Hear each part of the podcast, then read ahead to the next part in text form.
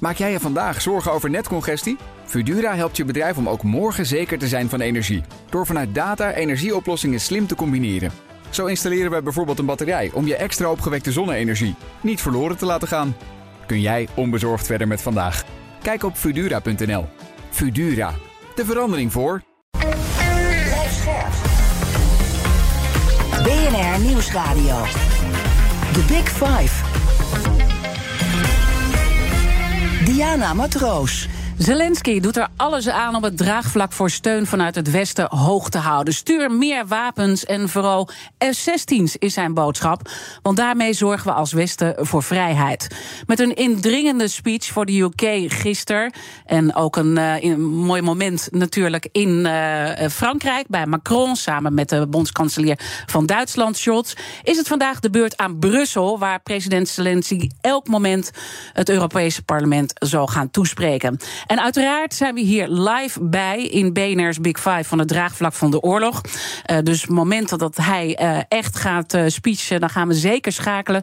We horen dat hij in ieder geval net is aangekomen in Brussel. Dat het vliegtuig is geland, maar ze hebben enige vertraging. Dus we wachten nu op zijn speech. Maar in ieder geval een speciale Big Five met drie gasten. Henne Schuwer, hij is voorzitter van de commissie Vrede en Veiligheid van de Adviesraad Internationale Vraagstukken. En hij werkte maar liefst ruim 40 jaar bij het ministerie van Buitenlandse Zaken. Was ambassadeur in Washington en Brussel. Werkte voor de secretaris-generaal van de NAVO. En was plaatsvervangend permanent vertegenwoordiger bij de EU. Uh, vanuit Brussel, Hennis Schuwer, van harte welkom bij de Big Five. Goedemorgen. Goedemorgen, we hebben afgesproken dat we mogen tutoyeren. Uh, ja. Je zit in uh, Brussel, heb je er iets van gemerkt dat er allemaal commotie is en dat er iets gaat gebeuren? Uh, nou ja, er zijn natuurlijk altijd op de wegen zijn bepaalde wegen afgesloten, et cetera, maar verder niet zoveel. Verder niet zoveel. Oké, goed. Ik uh, kom straks uh, bij je terug, want ik wil ook even de andere gasten introduceren. Geert-Jan Haan, Europa-verslaggever van BNR, hier in de studio bij mij. wat zie jij als laatste dingen binnenkomen? Ik hoor van collega-journalisten in Brussel dat het uh, heel druk is. Sommige gebouwen moeilijk bereikbaar, lange wachtrijen voor, uh, voor pers. Ik hoor dat Europarlementariërs uh, wachten op de bel. Als de bel gaat, betekent het dat ze binnen 10 minuten eigenlijk aan de slag gaan. dus dan weten we wanneer Zelensky gaat praten. En we zien op de livestream zien we dat Europarlementariërs deels in de zaal zitten, deels met elkaar aan het kletsen zijn. alles en iedereen is er klaar voor. maar de protagonist die laat nog even op zich wachten. Die had waarschijnlijk te laatst een croissantje in prijs gekregen. Ja, ze beginnen denk ik ook iets rustiger, toch, in uh, Frankrijk? Ik denk dat de, de, was vast niet goed. Ik denk niet. Uh, laten we ook even gaan schakelen naar Bernard Hammelburg, onze buitenlandcommentator. Bernard, uh, ik, ja, jij zit net als wij gespannen en net als iedereen gespannen te wachten. Wat verwacht jij? Um, nou, ik verwacht, want dat heeft hij inmiddels overal laten zien, uh, dat hij weer zijn kunstjes laat zien. Hè. De man heeft geweldige speechschrijvers en ook een geweldige presentatie.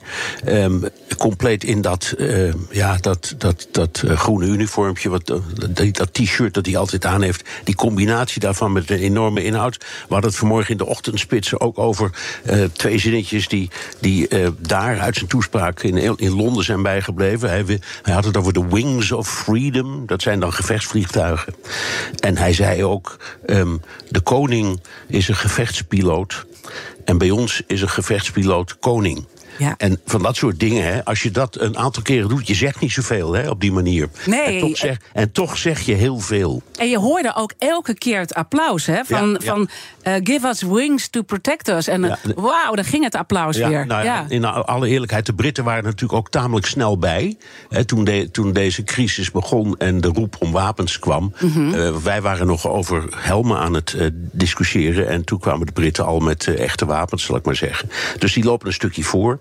En vandaar ook, ze hebben het nu ook over, over vliegtuigen, weliswaar uh, over hele oude vliegtuigen. Ja, eigenlijk ja. lestoestellen waar je niet zo verschrikkelijk veel mee kan. Maar in ieder geval, het, was, het is ongelooflijk hoe.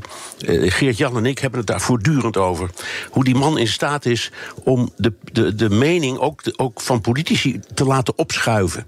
Hij duwt steeds maar in de richting. En hier gaat hij natuurlijk een pleidooi houden voor versneld toetreding tot de EU. Heel veel landen roepen: ja, maar dat willen we helemaal niet. Waaronder Nederland. Dat, kan, dat gaat zomaar niet.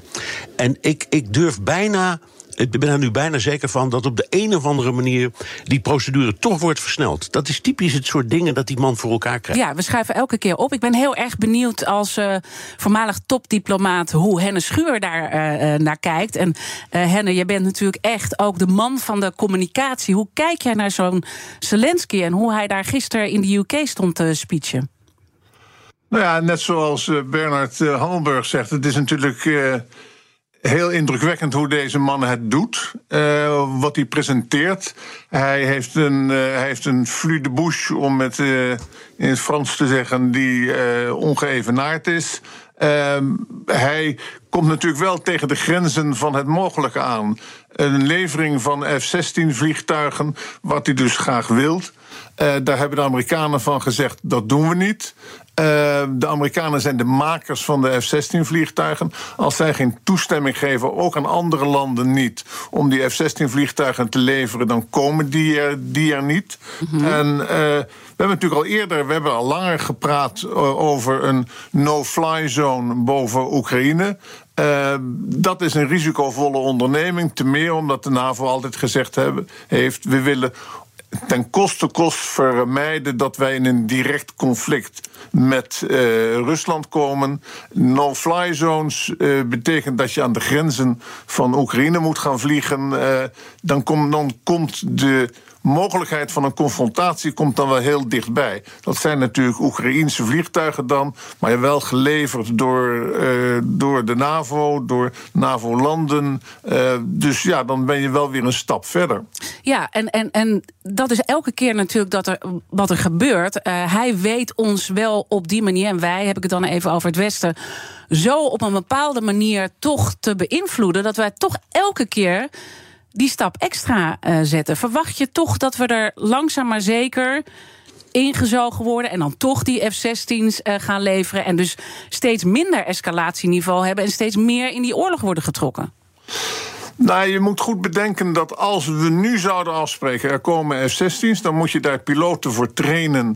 Uh, wat ik begrijp van uh, NAVO-vrienden, dat is tussen de zes en negen maanden voordat je op zo'n vliegtuig kan vliegen. Zes maanden als je al een hele goede MIG-piloot bent. Uh, dus dat is, ja, die vliegtuigen komen dan in de zomer. Ik denk dat het heel belangrijk is, wat gaat er nu gebeuren met dat aangekondigde Russische, uh, de Russische aanval, het tweede offensief. als je daar als Oekraïne vrij goed uitkomt, dan zal de druk wat minder zijn. Uh, ik denk dat het heel belangrijk is dat ze een goede luchtafweer uh, krijgen. Daar zijn dus de Patriots uh, zijn daar onderdeel van. Die worden wel uh, geleverd. En dat is duidelijk, duidelijk een verdedigend wapen, mm -hmm. om het zo maar te zeggen. Een vliegtuig kan natuurlijk beide kanten op gebruikt worden. nou ben jij natuurlijk al die jaren topdiplomaat geweest. En die zijn er om informatie op te halen uiteindelijk. En ook tot een compromis te komen. En ik ben dus ook heel erg benieuwd wat er eigenlijk nu achter de schermen allemaal gebeurt. Want ja, er wordt gewoon een hele show opgevoerd aan de voorkant. Die zien wij allemaal. Maar aan de achterkant gebeurt er nu van alles. Uh, wat, wat, wat gebeurt er nu aan de achterkant? Nou ja, ik denk dat men natuurlijk langzaam. Er zijn twee dingen. A. Uh, we zijn als Europa, of noem, het maar, laten we het beperken tot Nederland, komen we vrij netjes de winter door. Uh, om het zo maar te zeggen. We hebben niet een enorm uh, gastekort. Uh, we hebben natuurlijk enorme kosten voor de Nederlandse bevolking. Maar wat, we, wat dreigde van de kachel gaat uit, is niet gebeurd. Maar we zijn nog lang niet aan het einde van deze oorlog. Uh, en dat is punt één. Hoe lang gaat deze oorlog duren? En kunnen wij het als een verenigd Europa aan om misschien twee, drie jaar op deze basis door te gaan? Uh, in dat opzicht speelt de tijd in het voordeel van Poetin. Want ik denk dat hij berekent van, nou, die Europeanen.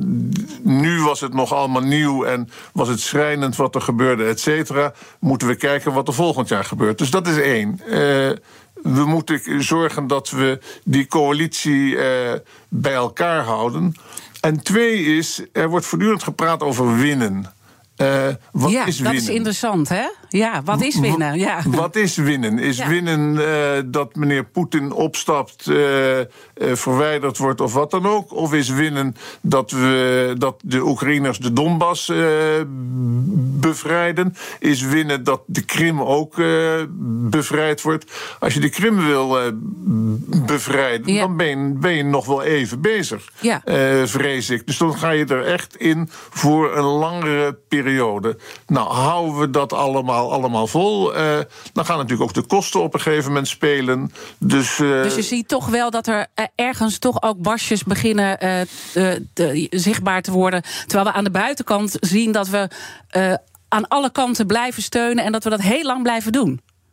Nou, ik wil niet zeggen dat er barstjes komen. Voorlopig zijn er nog geen barstjes. Maar ik denk dat we, willen we die situatie houden... dan moeten we investeren in een, in een, in een bol, bol- bolwerk dat barstjesvrij blijft. Ja. En ik denk dat dat heel erg belangrijk is. Geert-Jan Haan, dan dit moment eh, straks. Want we zijn natuurlijk nog steeds in afwachting van eh, Zelensky... die elk moment eh, het Europees Parlement gaat eh, toespreken. Hoe belangrijk is dit om het draagvlak te behouden? Ik denk om meerdere redenen eh, belangrijk. Ehm, kijk, Zelensky wil ook laten zien dat hij echt bestaat. Dat gold ook voor zijn eerste bezoek aan Amerika. Eh, Ja. In Amerika eh, houdt men sowieso natuurlijk van, van de symboliek. En eh, als Zelensky om dingen vraagt vanuit Kiev, bijvoorbeeld lange afstandswapens of wat dan ook, dan komt het natuurlijk eh, aan en over.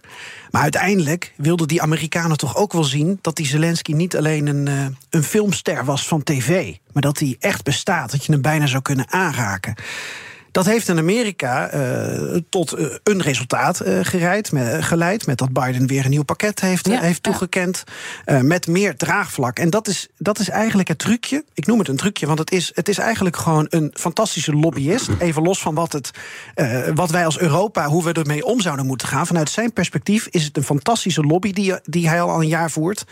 En nu doet hij dat dus in Brussel, hij doet het in eh, eh, Parijs, hij doet het in Londen. Hij gaat daar langs, hij laat zich bij wijze van spreken aanraken. Ja. God is terug op aarde. Ja. Eh, vanuit Nou ja, Kiev dat is komen, ook wel een komen beetje met wat de je trein. ziet, ja. En dat is wat je ziet. En wat denk jij dan van al dat applaus dat we dan gisteren ook bij zo'n speech... Hè, want ik heb hem ook helemaal zitten kijken... en dan denk ik van, ja, je stemt toch ook een beetje toe... in alles wat hij vraagt op dat moment. Of moet ik dat niet zo lezen? Dat was hoe ik er ook naar luisterde. Want ik ging ook naar die speech luisteren. Eh, en ik snap dat eh, eh, politiek en diplomatie misschien anders werkt. Of als je voor een grote zaal spreekt, dan hoor, je, dan hoor je applaus te krijgen. Maar het was een beetje alsof, alsof het Oprah Winfrey was.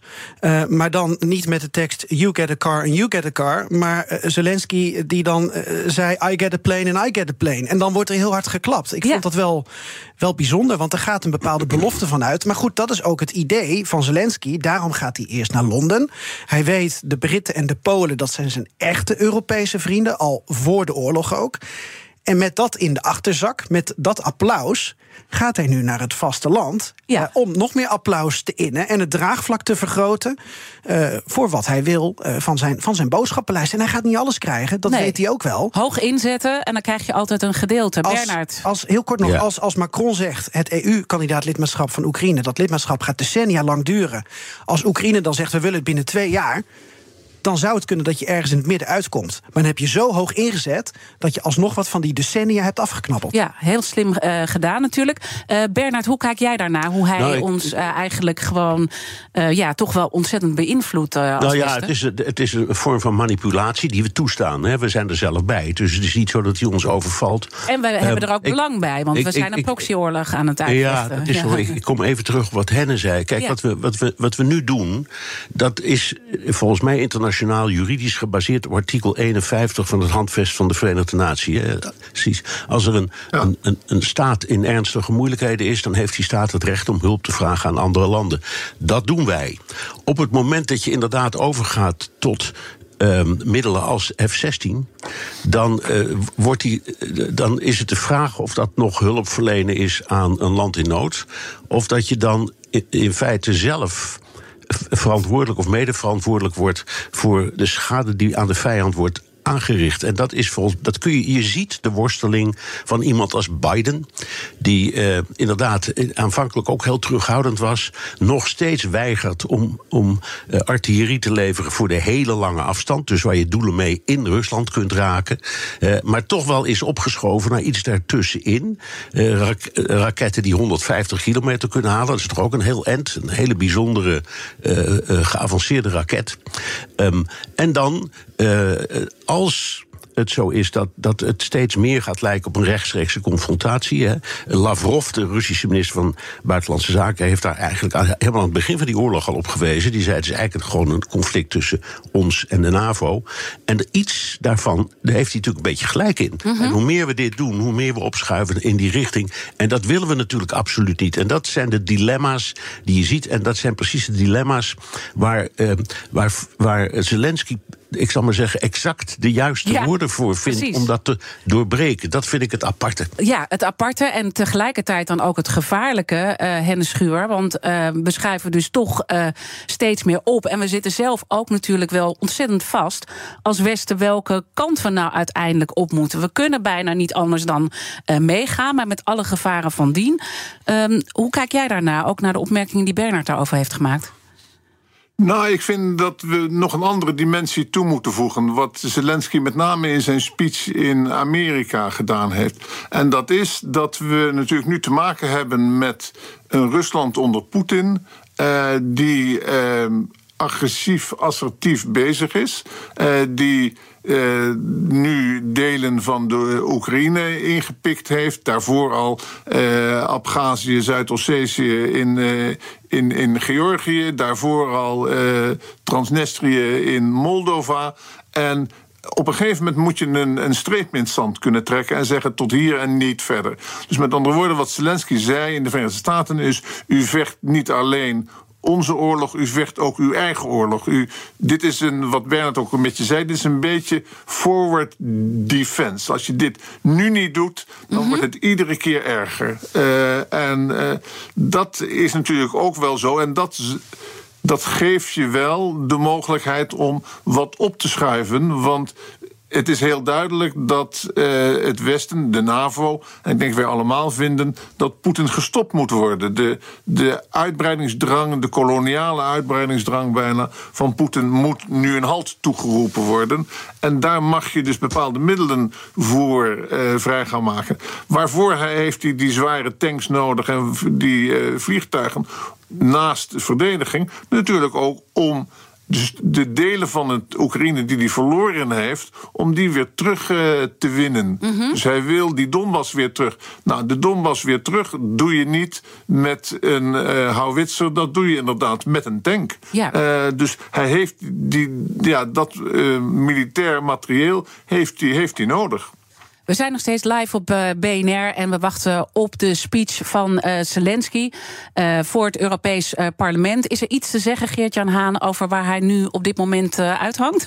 In de buurt van het Europese parlement. Nog vijf à tien minuten appen uh, Europarlementariërs uh, naar mij. Die hebben we van tevoren gevraagd om als een soort uh, spion voor ons op te treden. Ja. daar. Want ja, zowel het gebouw van de Europese Raad als van, van het parlement... Ja, dat zijn toch wel even vestingen geworden. Ook al heeft meneer Schuwer natuurlijk in de rest van Brussel... niks bijzonders tot nu toe gezien. Precies, zo werkt het, zo werkt het dan ook weer. maar we wachten dus vijf à tien minuten... en dan gaat het als het goed is gebeuren. En dan horen jullie dat natuurlijk... Uh, hier op BNR. Intussen proberen wij uh, wat meer duiding te geven, ook aan de voorkant, wat we nu allemaal uh, gaan krijgen. En hoe we dus ook steeds meer uiteindelijk opschuiven. Hoe Zelensky dat ook gewoon met zijn woorden ook heel goed weet te doen. En net die, die, nou ja, die leemte weet te pakken, waardoor wij toch elke keer een beetje opschuiven. Ehm, Henne Schuwer, vanuit als voorzitter natuurlijk ook bij de Commissie Vrede en Veiligheid van de Adviesraad Internationale Vraagstukken vanuit Brussel. waar jij uh, zit in een uh, studio. Maar je bent natuurlijk ook al die jaren topdiplomaat uh, geweest. Dus je weet helemaal hoe dat aan de achterkant gaat. Wanneer beginnen we ons nou echt op een gevaarlijk kantelpunt te bevinden? Want je zegt, we kunnen dit ook allemaal beargumenteren... waarom we dit allemaal doen. En we moeten eigenlijk ook wel een bepaalde kant opschuiven. Maar we gaan wel steeds dieper dit conflict in. Wanneer begint het gevaarlijk te worden? Um Ja, dat is heel moeilijk te zeggen. Dit is natuurlijk. Kijk, het, het, het wordt gevaarlijk als onze solidariteit opbreekt. Uh, en als we. Als zeggen, en dat is natuurlijk best begrijpelijk als straks een, een, een, een Italiaan of een Griek zegt van ja, alles goed en wel vrienden, maar uh, Financieel-economisch uh, trek ik dit niet langer. Uh, we stappen uit een coalitie. Mm -hmm. Of we, we, doen niet meer mee met sancties. Ik denk dat, en dat meen ik echt, dat dit het moment is wat we al eerder hadden moeten doen om een streep met zand te zetten en tegen, aan Poetin duidelijk te maken: jouw tactiek van het herstel van het Russische Rijk. En dat is geen eens de Sovjet-Unie. Ja, hij, hij, refereert aan, aan momenten ver voor de Sovjet-Unie. Eh, daar, daar gaan we niet in mee. Dat mm -hmm. zullen we je ontzeggen. Uh, dus ik denk dat dat heel erg belangrijk is.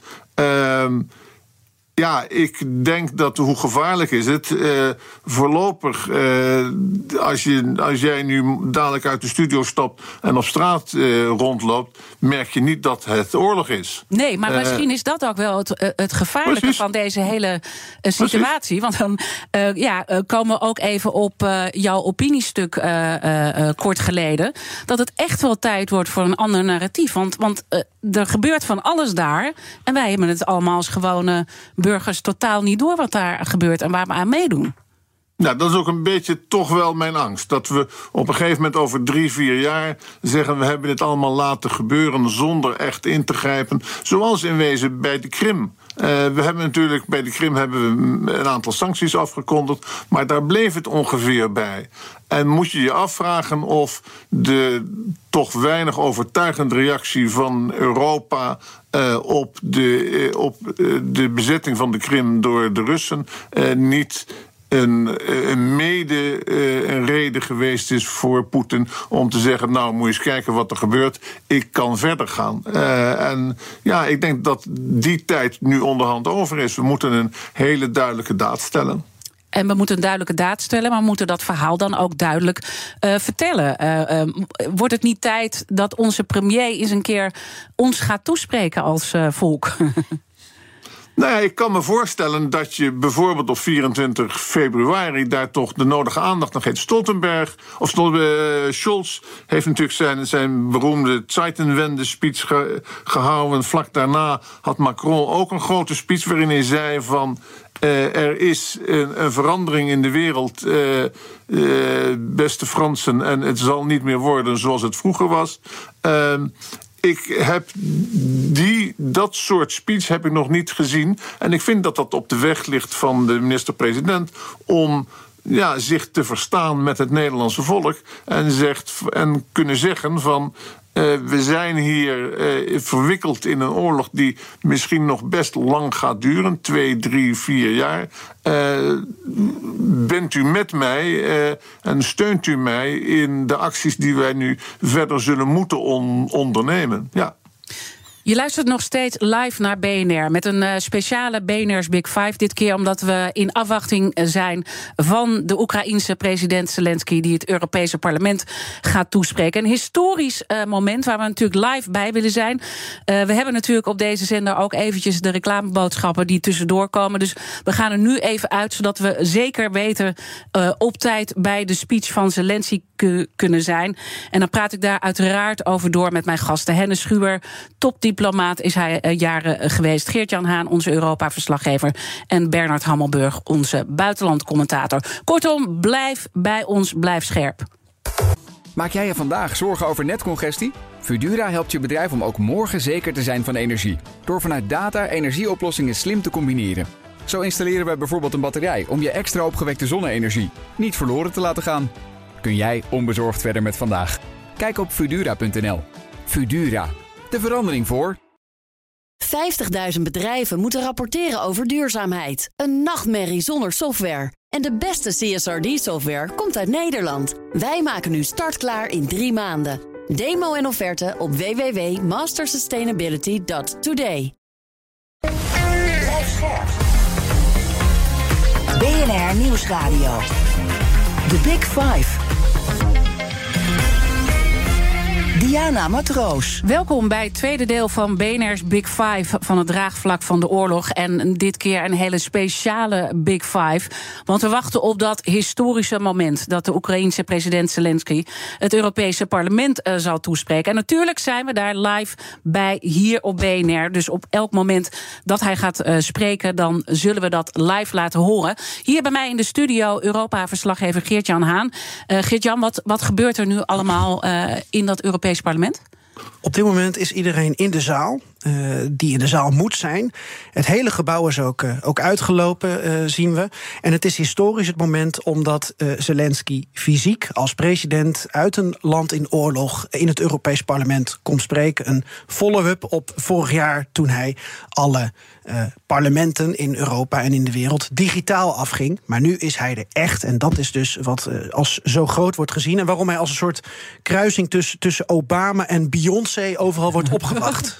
ja, ze zijn echt, uh, echt in spanning. En wat, hoeveel minuten gaat het nog duren, denk je? Ja, moeilijk te zeggen, maar... Ja, van mijn spionnen uit Brussel krijg ik elke keer een paar minuten, paar minuten door. Maar uh, ja, de agenda van Zelensky is, is toch leidend. Ja, natuurlijk, zodra dat gebeurt, dan gaan we daar naartoe schakelen. Ik hoor trouwens nu net ja? dat hij is ontvangen door parlementsvoorzitter Metsola. Dus dat zou betekenen dat hij dan er zo aankomt. Er zo aankomt, oké. Okay, het gaat elk moment gebeuren. En zodra dat gebeurt, dan zijn we er natuurlijk bij.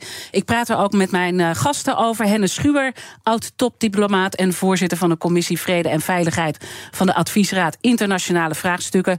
Ook ambassadeur geweest in, uh, in Washington, in Brussel. Dus heel veel ervaring als het gaat ook om dit soort conflicten te duiden.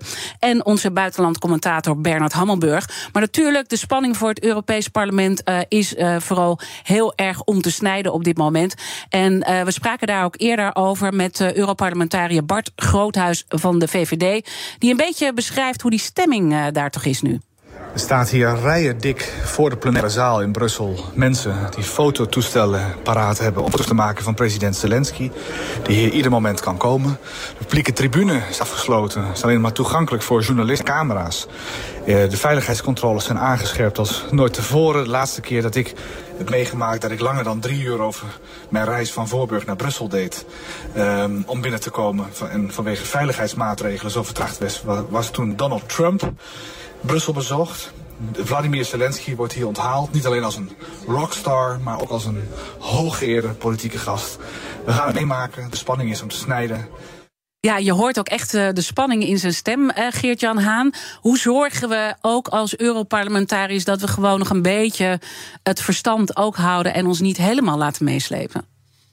Ik denk dat dat voor het Europees Parlement best lastig is, omdat het Europees Parlement wel het afgelopen jaar een van de drijvende krachten is geweest. Ook achter het, het, het isolement van Rusland, achter alle sanctiepakketten.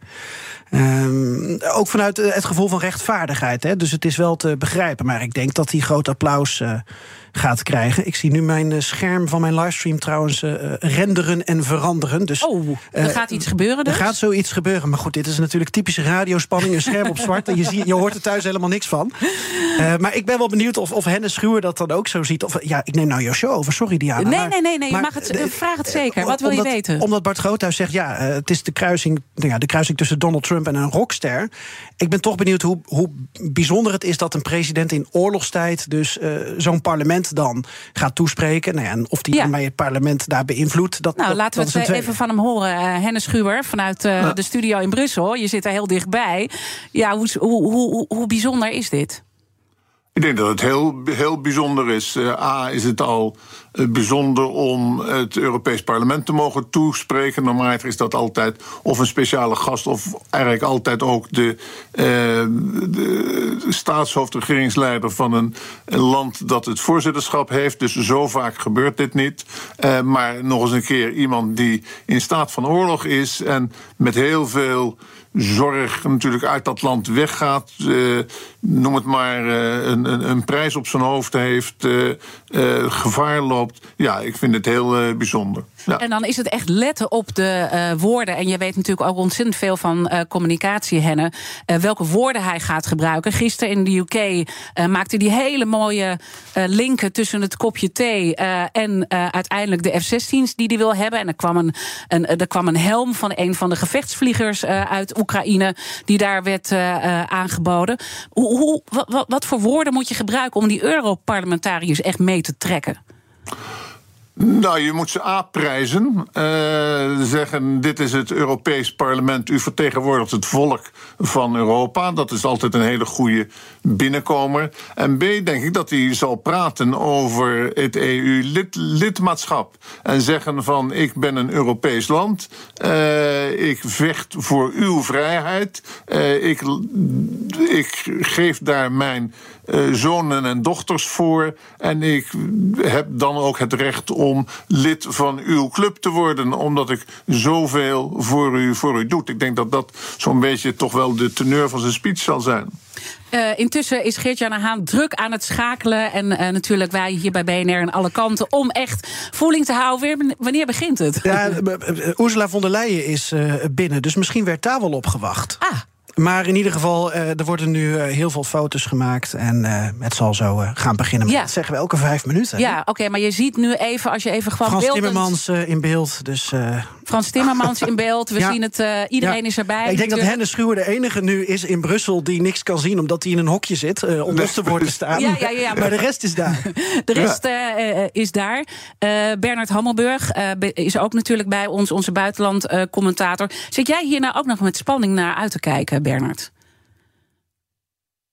Even kijken, ik hoor even geen connectie met uh, Bernard. Is Bernard nog uh, bij ons? Um, ik denk dat even de verbinding daar uh, is weggevallen. Maar die gaan we zeker even uh, herstellen.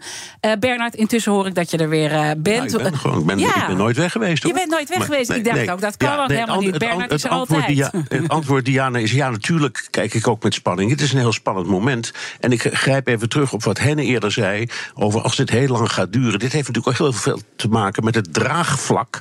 voor het blijvende steun in heel Europa. Um, je moet toch landen zien te overtuigen dat ook als het heel lang gaat duren, dat ze um, bereid zijn om zulke hoeveelheden geld uh, beschikbaar te blijven stellen. En wapens, en dat gaat dan weer ten koste misschien.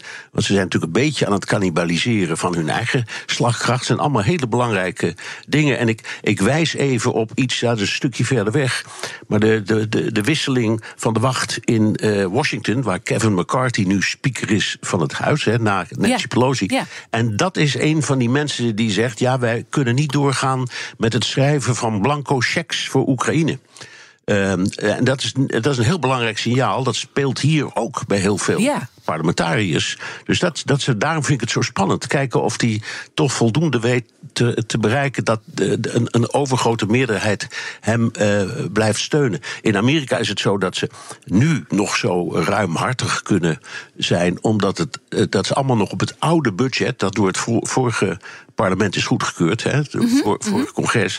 Maar ja, daar, ook daar gaan ze een discussie krijgen over hoe lang nog en waar zijn we toe bereid. Ja, want dat uh, vind ik zo interessant, uh, Bernard, om, uh, dat merk ik ook deze week als ik met mijn gasten erover praat, dan merk je toch, ja, we hebben ontzettend veel draagvlak en we willen tot in lengte van dagen doorgaan en blijven steunen, maar ondertussen zijn er allemaal toch scheurtjes gaande uh, uh, aan de achterkant. Bijvoorbeeld omdat de Fransen het ook heel erg moeilijk vinden om de Russen als vijand te zien. Alleen al dat is een belangrijke onderstroom waar we rekening mee moeten houden. Uh, de economie, het gaat ons ontzettend veel kosten. Er, er begint toch wel het een en ander te schuiven. Dus hoe moeten we dan nu naar dit moment kijken?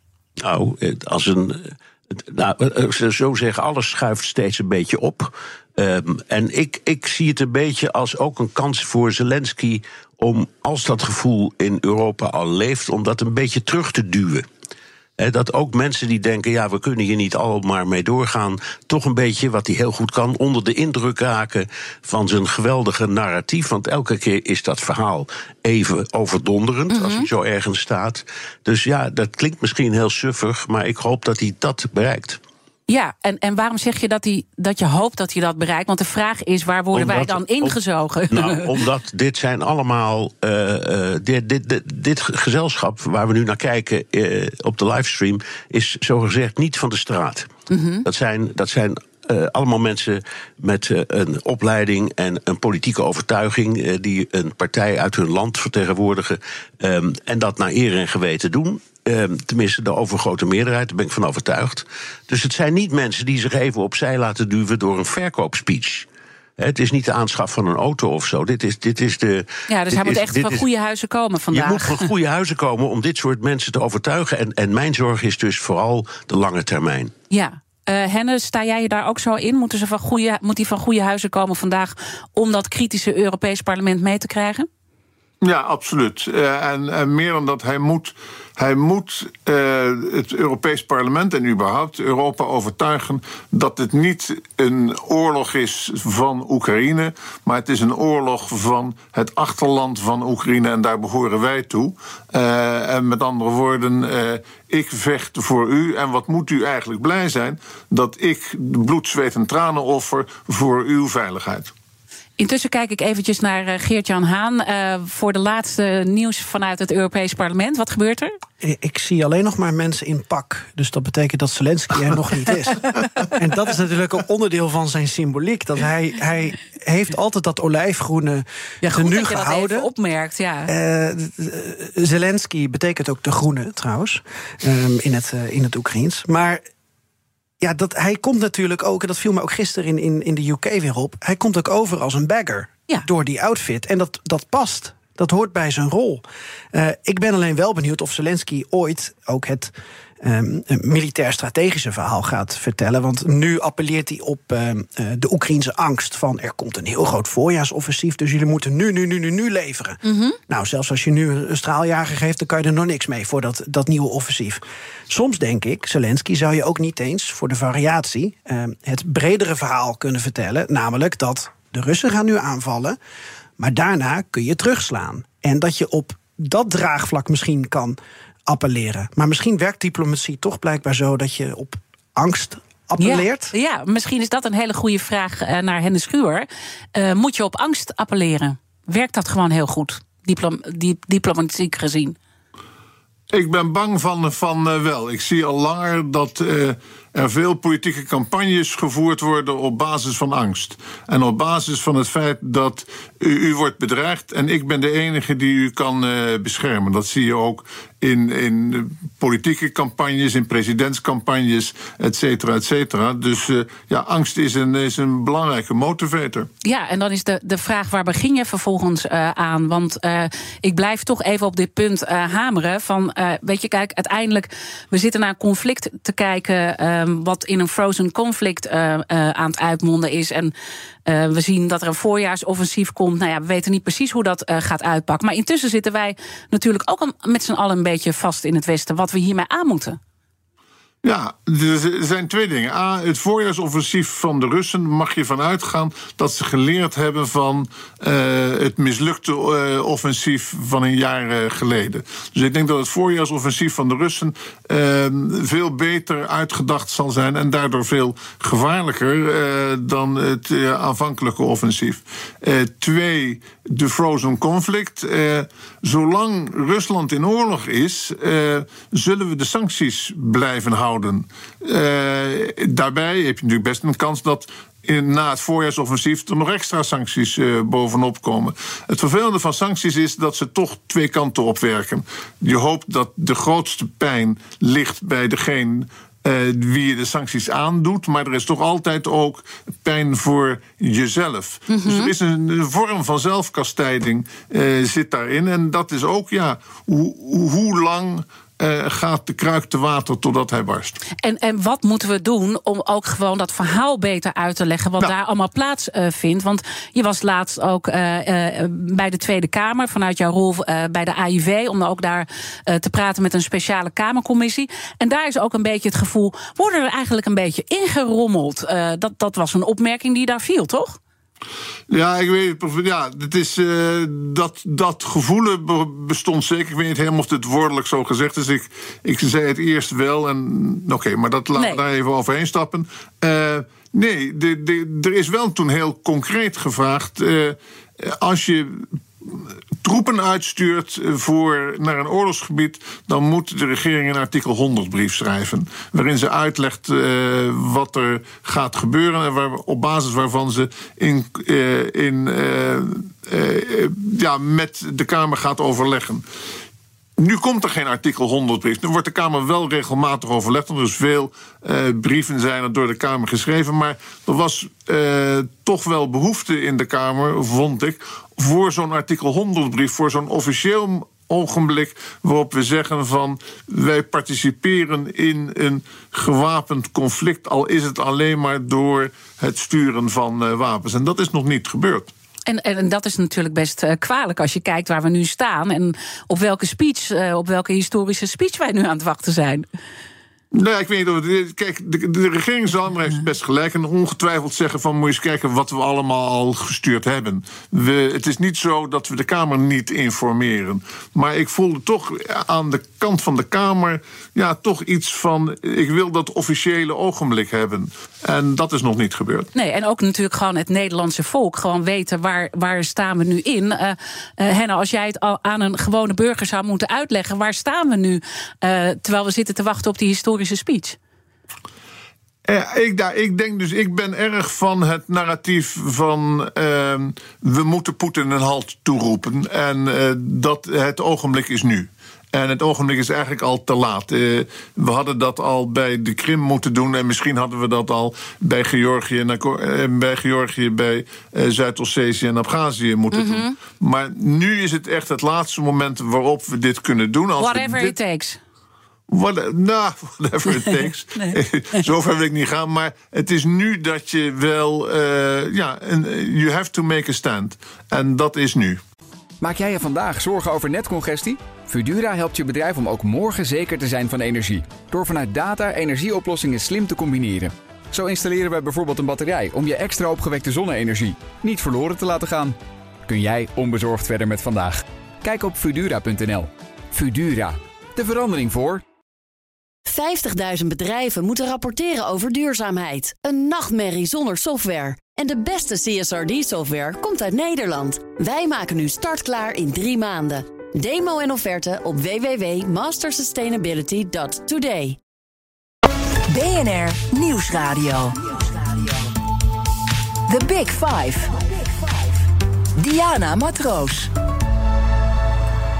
Je luistert nog steeds naar een speciale Beners Big Five draagvlak van de oorlog. Omdat we zitten te wachten op die historische speech van de Oekraïense president Zelensky voor het Europees eh, Parlement.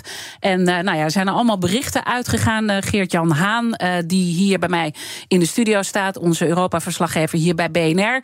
Ja. Ze hebben een melding gekregen. Het gaat echt elk moment gebeuren. Ja, maar ze staan er nog steeds bij alsof de koffiejuffrouw ze ook weer binnen kan komen. Ik zag wel een in mijn ogen uh, nou, ik weet niet of het een historische tweet is. Maar ik zag net een tweet van uh, Charles Michel van een half uurtje geleden. Dan zie je een foto van hem dat hij Zelensky opwacht uit het vliegtuig. En dit tekst luidt: uh, Welcome home, welcome to the EU, Zelensky. Ha, kijk. En, en dan zitten we weer in ja. dat draagvlak en in dat verhaal van is Oekraïne nu al EU en ja. wat is thuis? En... En ik weet niet uh, wie ik een beetje hoor gniffelen. Is dat Hennis Schuur, ja, uh, uh, mijn gast vanuit ja. de studio in Brussel, oud-topdiplomaat. ik hoorde een grinnik. Wat betekent ja. die? Nou, het is, het is verbazend om te zien hoe de drie leiders in Europa, met Sola van het parlement, von der Leyen en Michel, tegen elkaar opbieden in, in, in dit soort uitspraken. Uh, en ik vind dat wel belangrijk. Dit moet je niet doen. Uh, je moet. Uh, toen het, de hele commissie en daarna Michel en van der Leyen naar, vorige week naar Kiev gingen, was de boodschap die ze meekrijgen, meekregen was management of expectations. Mm -hmm. uh, beloof ze niet iets wat we niet onmiddellijk kunnen leveren. En uh, ja, ik vind dat we uh, dus af en toe onverantwoord omgaan. Uh, met de communicatie richting de Oekraïners. Want we kunnen niet alles leveren wat we zomaar beloven. En zo'n tweet is het ook van. Nou ja, morgen uh, kunt u in de bankje schuiven. Dat is niet, niet zo. Nee, want dat heeft Charles Michel ook al een keertje eerder gezegd. Dat heeft toen niet zo heel veel uh, media-attentie gekregen. Maar ik sprak daar wel over met onze uh, um, correspondent uh, Stefan de Vries eerder deze week. Hij doet wel echt gevaarlijke uitspraken, Charles Michel. Nou ja, dus Michel heeft het niet. Uh, hij is voorzitter van de raad, maar de raad beslist. Uh, en uiteindelijk do, zullen de lidstaten beslissen over het lidmaatschap van Oekraïne. Maar hij kweekt verwachtingen uh, en dat is eigenlijk ook voor uh, Zelensky uh, gevaarlijk. Want als die verwachtingen niet uitkomen, zegt op een gegeven moment bij de volgende yeah. verkiezingen in, in Oekraïne, zegt het volk van Oekraïne van ja, u heeft ons een Fata Morgana voorgespiegeld, maar dat is helemaal niet zo. We doen er nog jaren over, of dit komt er niet, dat komt er niet. En dan zal hij ook daar de politieke consequenties van ondervinden. En als je dan kijkt naar het diplomatieke werk, want dat is natuurlijk jouw expertise, die moeten natuurlijk natuurlijk aan de achterkant ja, op zoek gaan naar een, uh, een compromis, dan maak je het ook wel lastiger, dat werk van de diplomatie, kan ik me zo voorstellen. Ja, je zal een oplossing moeten vinden. Laten we heel reëel zijn. Als de Oekraïne bij de Europese Unie zou komen, is dat bijvoorbeeld financieel een enorme aanslag op het EU-budget. Uh, uh, we hebben de Kopenhagen-criteria. Uh, dit zijn strenge criteria, met name op het gebied van uh, democratie en mensenrechten.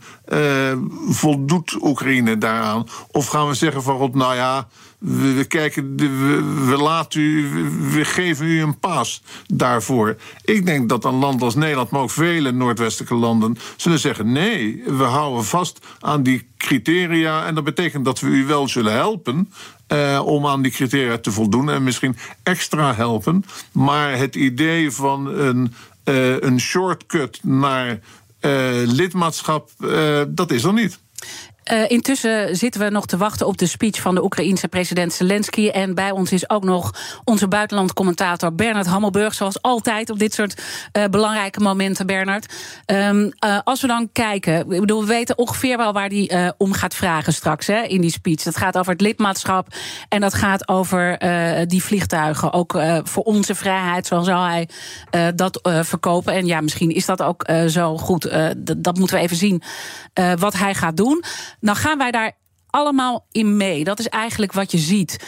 Um, moeten we ook naar dit moment kijken dat we gewoon voorlopig nog met hem meelopen en hem proberen zoveel mogelijk te geven om hem een gunstige positie te geven straks aan de onderhandelingstafel? Want uiteindelijk moet je natuurlijk toch een keer met elkaar om tafel. Hoe kijk jij daarnaar, Bernard? Ik, ik, ik probeer zo realistisch mogelijk te blijven. Ja. Dat is ook eigenlijk wat Henne net zei.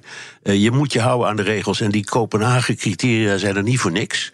En je moet eraan voldoen. En het is een enorme klus om daaraan te voldoen. En als je ziet, ja, hij, hij treedt nu een beetje op tegen corruptie. Maar dat is maar een heel klein onderdeeltje van de dingen die allemaal nog niet in orde zijn in dat land. Er moet enorm veel gebeuren.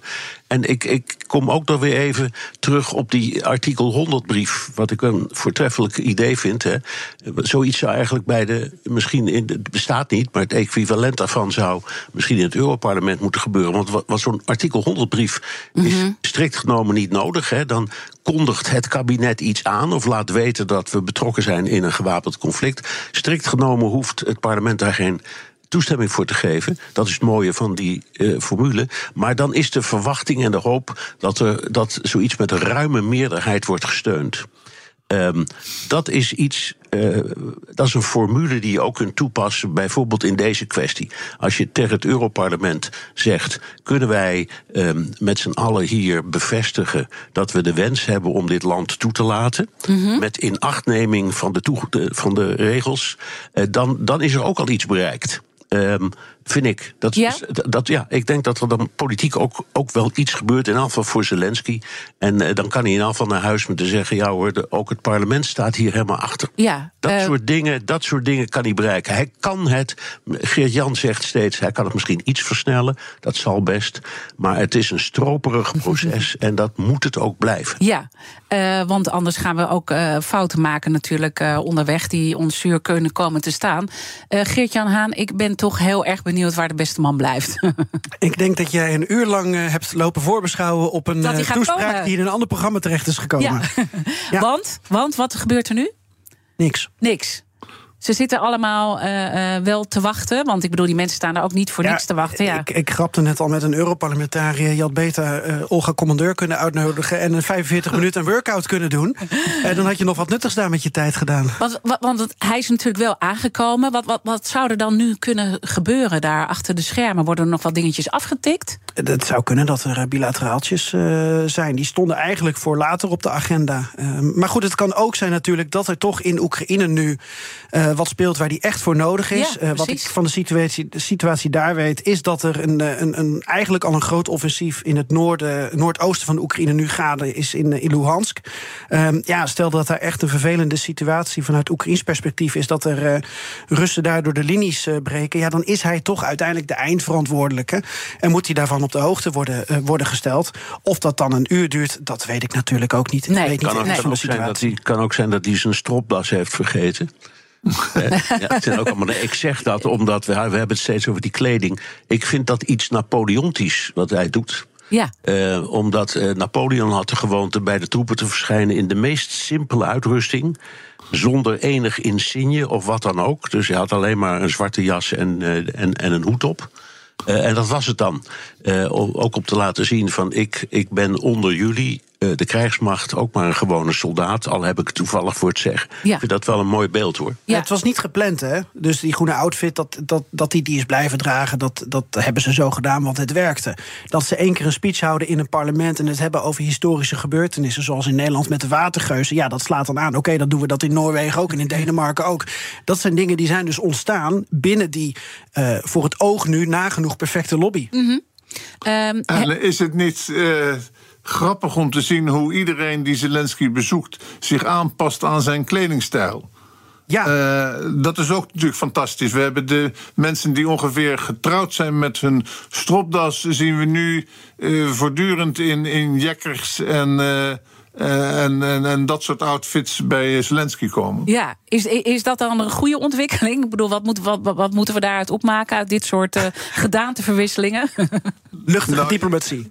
Luchtige Ja, ik, ik ben Nou, persoonlijk heel blij dat we van de stropdas af zijn. Maar eh, Gist, gisteren zat uh, overigens uh, zat hij tussen. Hij uh, komt zo binnen. Oh, ja, hij zie, komt zie nu. Ja. Uh, ja. hij, hij heeft komt een zwarte binnenlopen. Uh, oh, Gert-Jan, ja, vertel me, wat gebeurt er? Uh, nou, hij wordt nu uh, binnengeloodst, uh, begeleid door Metzola, de voorzitter van het parlement. En ja, door een kluwe van mensen en fotografen nu heen. Die zijn allemaal natuurlijk gescreend van tevoren, anders mochten ze het gebouw niet in. Dat heeft natuurlijk dus ook heel lang geduurd. We zien er ook mensen in legerkleding bij. Hij schudt nu wat, wat handen en hij gaat denk ik richting het, de plek waar hij de toespraak gaat geven. Um, zodra hij door, door de mensenmassa heen is. Het is wat we eerder schetsten. Ja. Het is Beyoncé, het is Trump, het is Obama, het is alles bij elkaar. En we zijn er live bij, uh, uiteraard. En uh, dan gaan we verder in ons uh, volgende programma BNR Breekt. En dan ben jij er ook bij, sowieso natuurlijk. En Bernard Hammelburg is er ook bij. En ik wil heel graag Hennis Schuur danken vanuit onze studio in Brussel. En ik hoop dat we ook nog een keer een Big Five maken. Samen ooit van een uur, want dat was natuurlijk gepland. Maar ja, dit is een historisch moment. Blijf live hier op uh, BNR. Zometeen de speech live hier van Zelensky. Maak jij je vandaag zorgen over netcongestie? Fudura helpt je bedrijf om ook morgen zeker te zijn van energie. Door vanuit data energieoplossingen slim te combineren. Zo installeren we bijvoorbeeld een batterij om je extra opgewekte zonne-energie niet verloren te laten gaan. Kun jij onbezorgd verder met vandaag? Kijk op Fudura.nl. Fudura, de verandering voor.